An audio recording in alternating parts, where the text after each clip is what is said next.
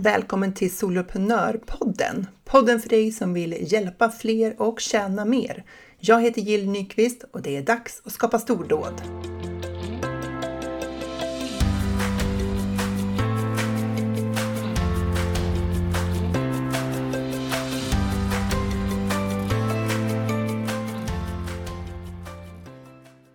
Under det här senaste halvåret har jag hållit många utbildningar för företagare som inte jobbar nödvändigtvis online. Och jag har lärt mig så mycket på att eh, prata om digital marknadsföring och digitala affärsmodeller. Eh, på att liksom möta den här gruppen som har liksom andra utgångspunkter än vad vi ofta har som har, tar mycket för givet i online-sfären. Ehm, vad en eh, freebie är, vad en opt-in är, vad en call to action är, jag har ju liksom verkligen fått eh, anstränga mig för att eh, inte slänga mig med sådana där termer utan prata om uppmaning till handling istället för call to action.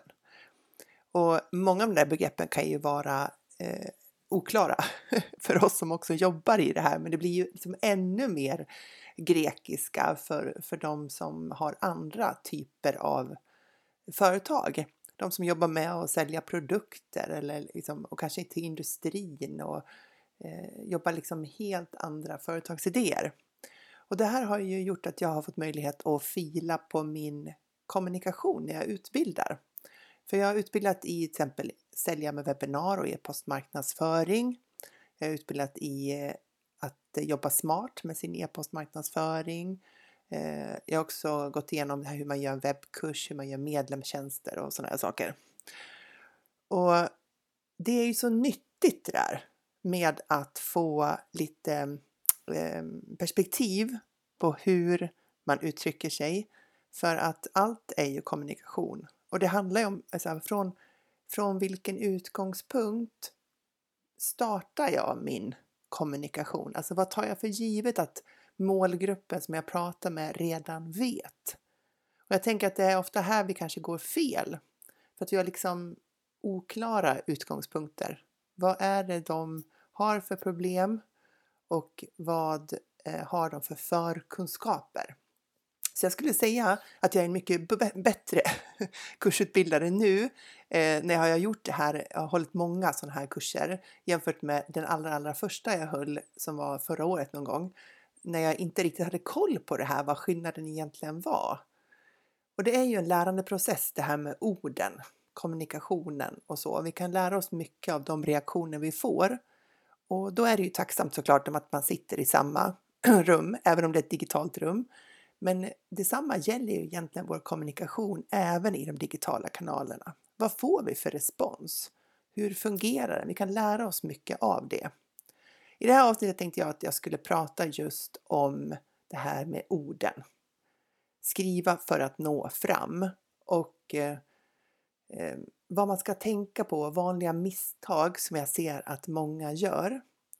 Jag tänker att det här blir del 1 där eh, vi tittar lite grann på vi, hur människor, hur funkar vi? För att hur som så pratar vi till andra människor och genom att ha lite koll på hur vi människor agerar och reagerar så kan vi ju göra smartare val när det kommer till våra ord.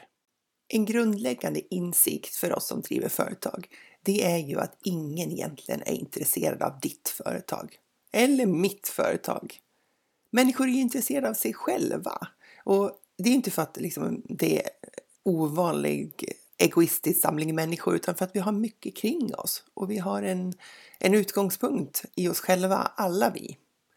Och därför behöver vi vara aktsamma i hur vi eh, formulerar våra texter och våra budskap. För att även om vi gör saker som är gratis så betalar människor med sitt fokus och med sitt engagemang. Och det gäller ju att komma ihåg att du faktiskt skriver för människor. Ibland så pratas det om att så här, eh, man kör business to business, alltså företag till företag, eller man kör business to consumer, företag till konsument, B2B eller B2C. Men egentligen så säljer vi alltid H2H. human to human om man fortsätter på engelskan. Men för att vi gör ju inte affärer med företag. Vi gör affärer med människor på företagen. Eh, och för oss som jobbar som soloföretagare så kanske vi gör affärer med en person, alltså ett annat soloföretag. Eller så är det flera, om det är så att du säljer till företag. Men det är fortfarande en människa där på andra sidan och när vi skriver innehåll som ska nå ut i bruset, då måste vi ha det i fokus. Och det tror jag kommer lite lättare för oss som jobbar online, för vi oftast säljer till en person, eh, även om det är till företagare.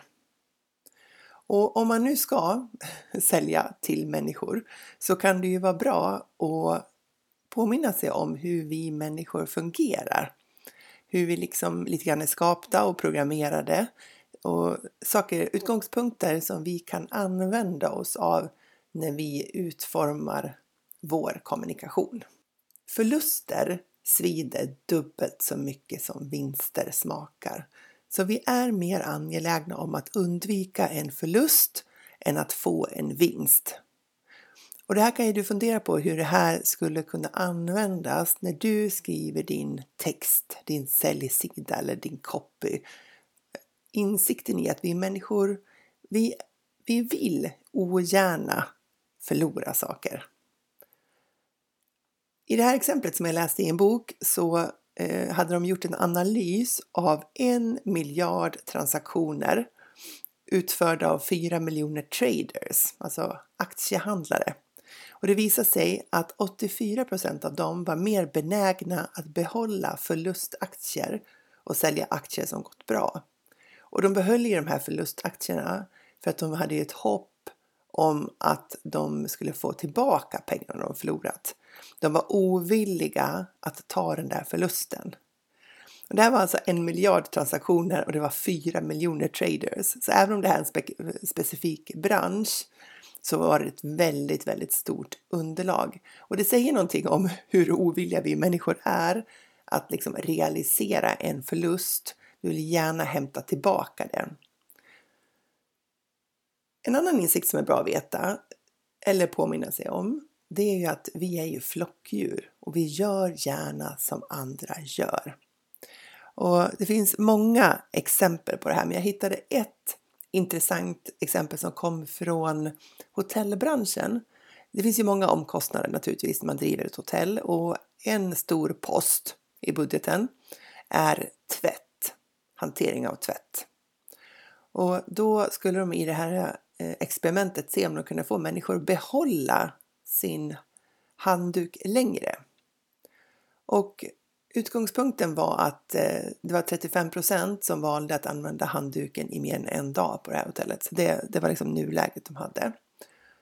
Och det hade de eh, en eh, informationsskylt uppsatt i rummet om att man, som, som uppmanade gästen till att spara sin handduk mer än en dag.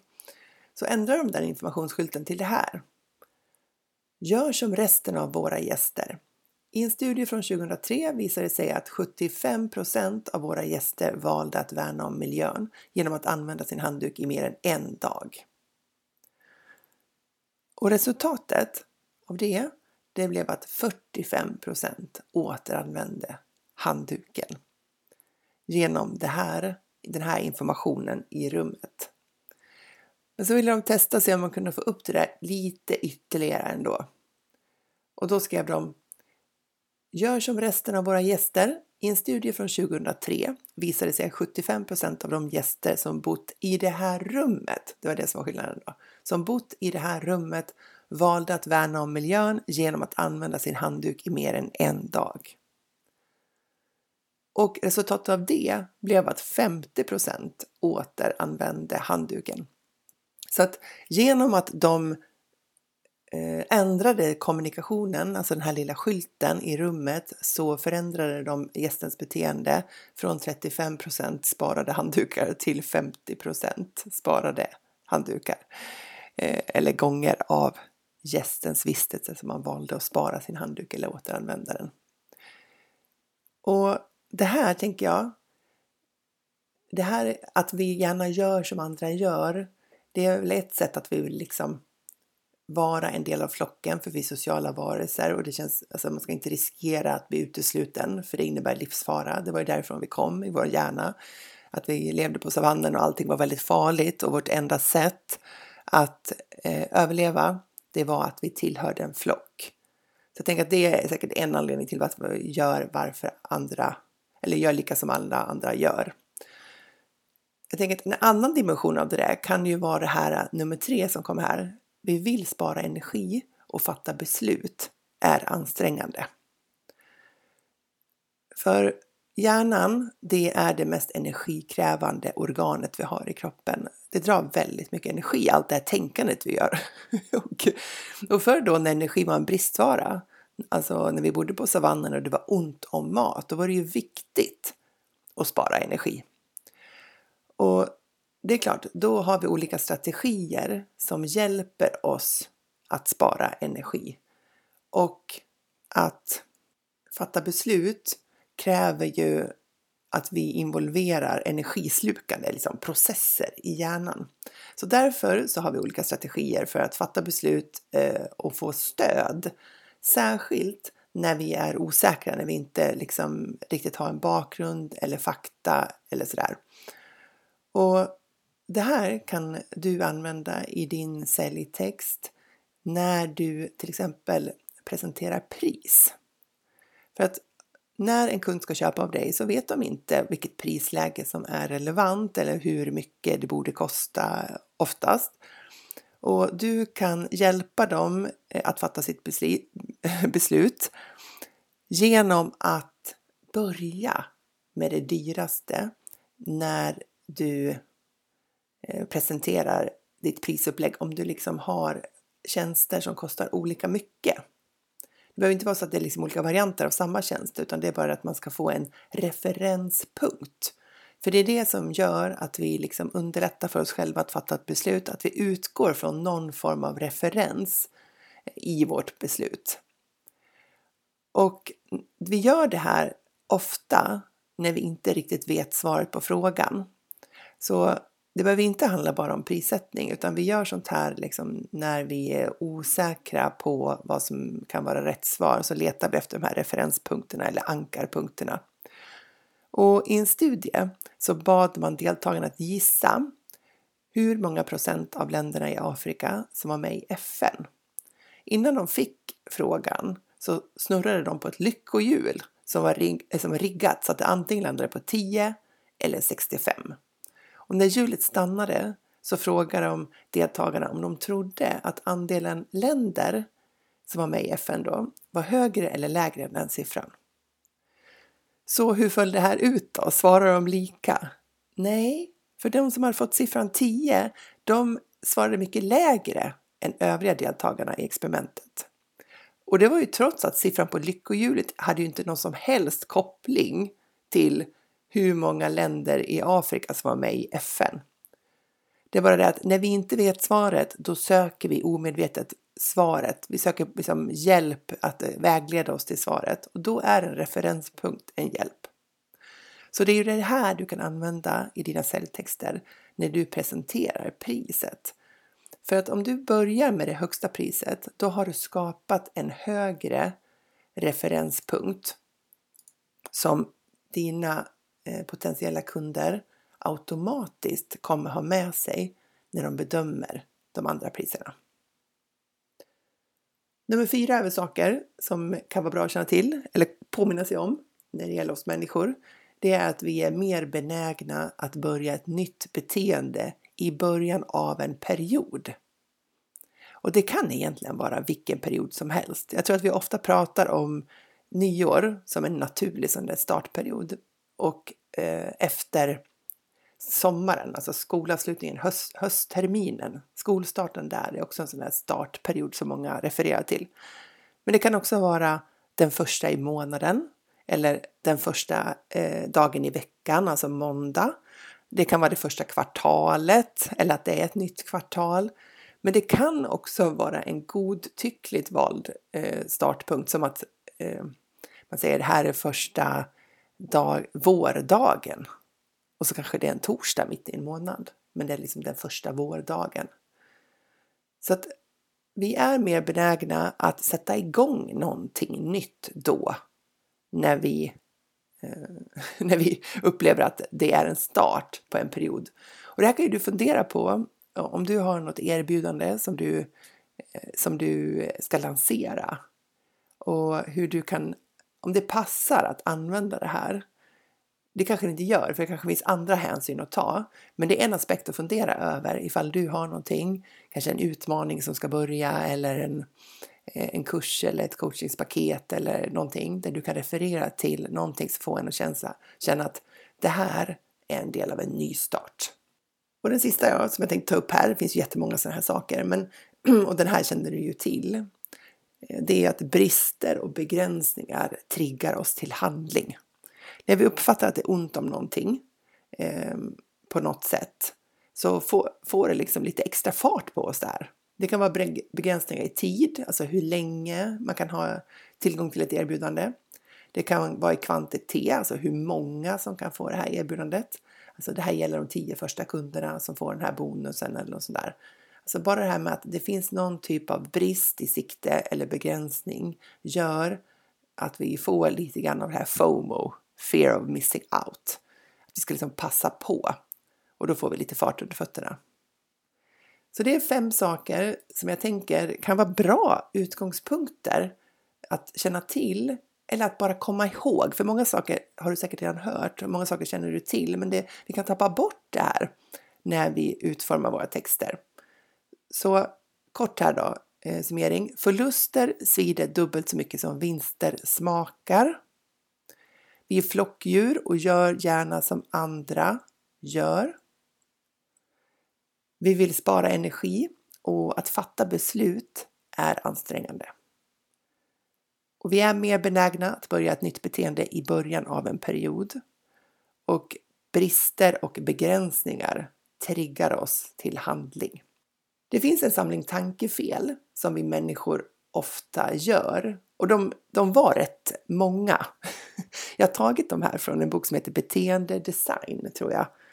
Eh, intressant bok om, om man är lite intresserad av beteenden och kommunikation. Eh, ett tankefel vi gör det är att om vi ställer sig inför två val, då tenderar vi att välja det som känns tryggast. Och därför väljer många fasta räntor istället för rörliga räntor.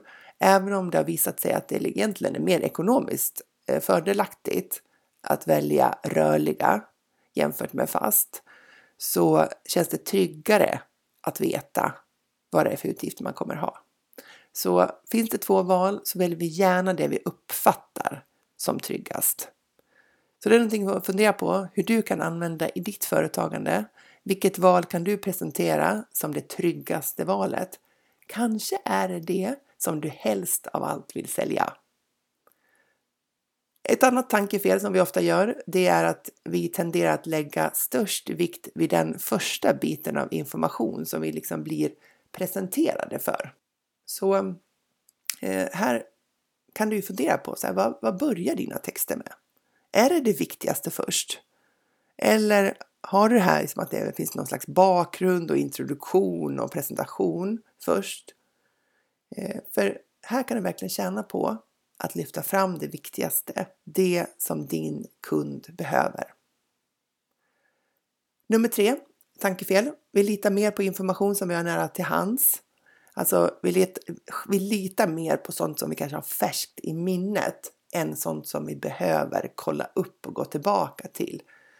Så hur kan du se till att du verkligen kan tillhandahålla rätt information till din potentiella kund så att de inte behöver gå tillbaka och kolla upp en extra gång eller om de blir osäkra på någonting. Att de ska slippa göra det. Och den sista, vi tenderar att tillskriva högre värde till företag, personer eller produkter som vi har en positiv bild av. Och det här är ju superintressant för oss som jobbar online för att det handlar ju om ditt varumärke.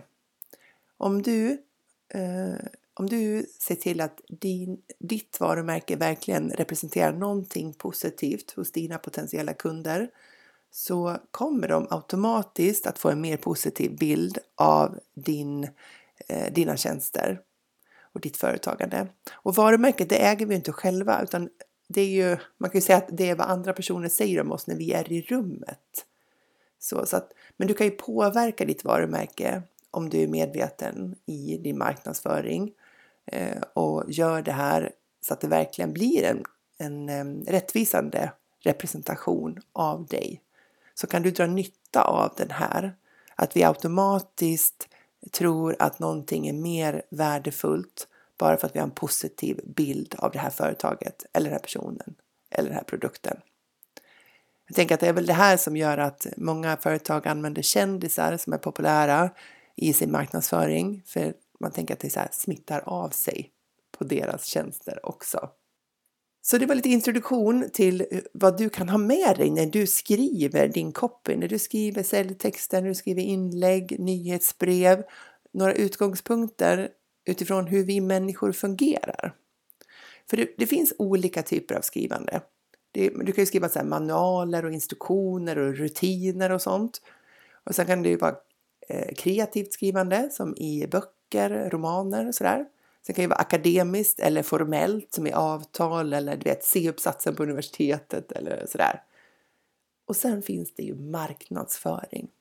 Och att skriva marknadsföring det är liksom en helt egen eh, dimension av skrivande.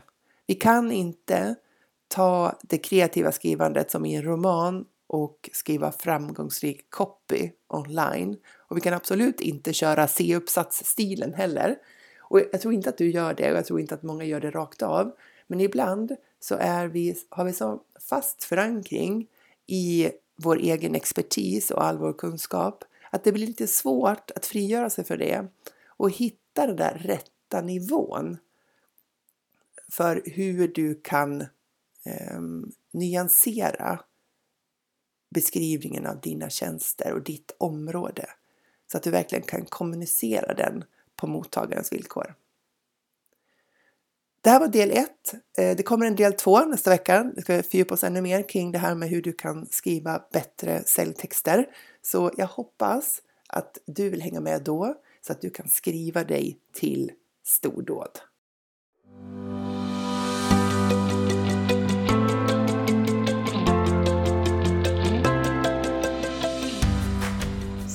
Tack för att du lyssnar på Soloprenörpodden. Jag är så glad att ha dig här. Du får jättegärna lämna mig en review på iTunes och ratea podden. Ge den fem stjärnor om du tycker att den är värd det, så hjälper du mig att sprida den till fler. Eller varför inte ta en skärmdump på det här avsnittet och tagga mig på en story på Instagram, solopreneur.nu.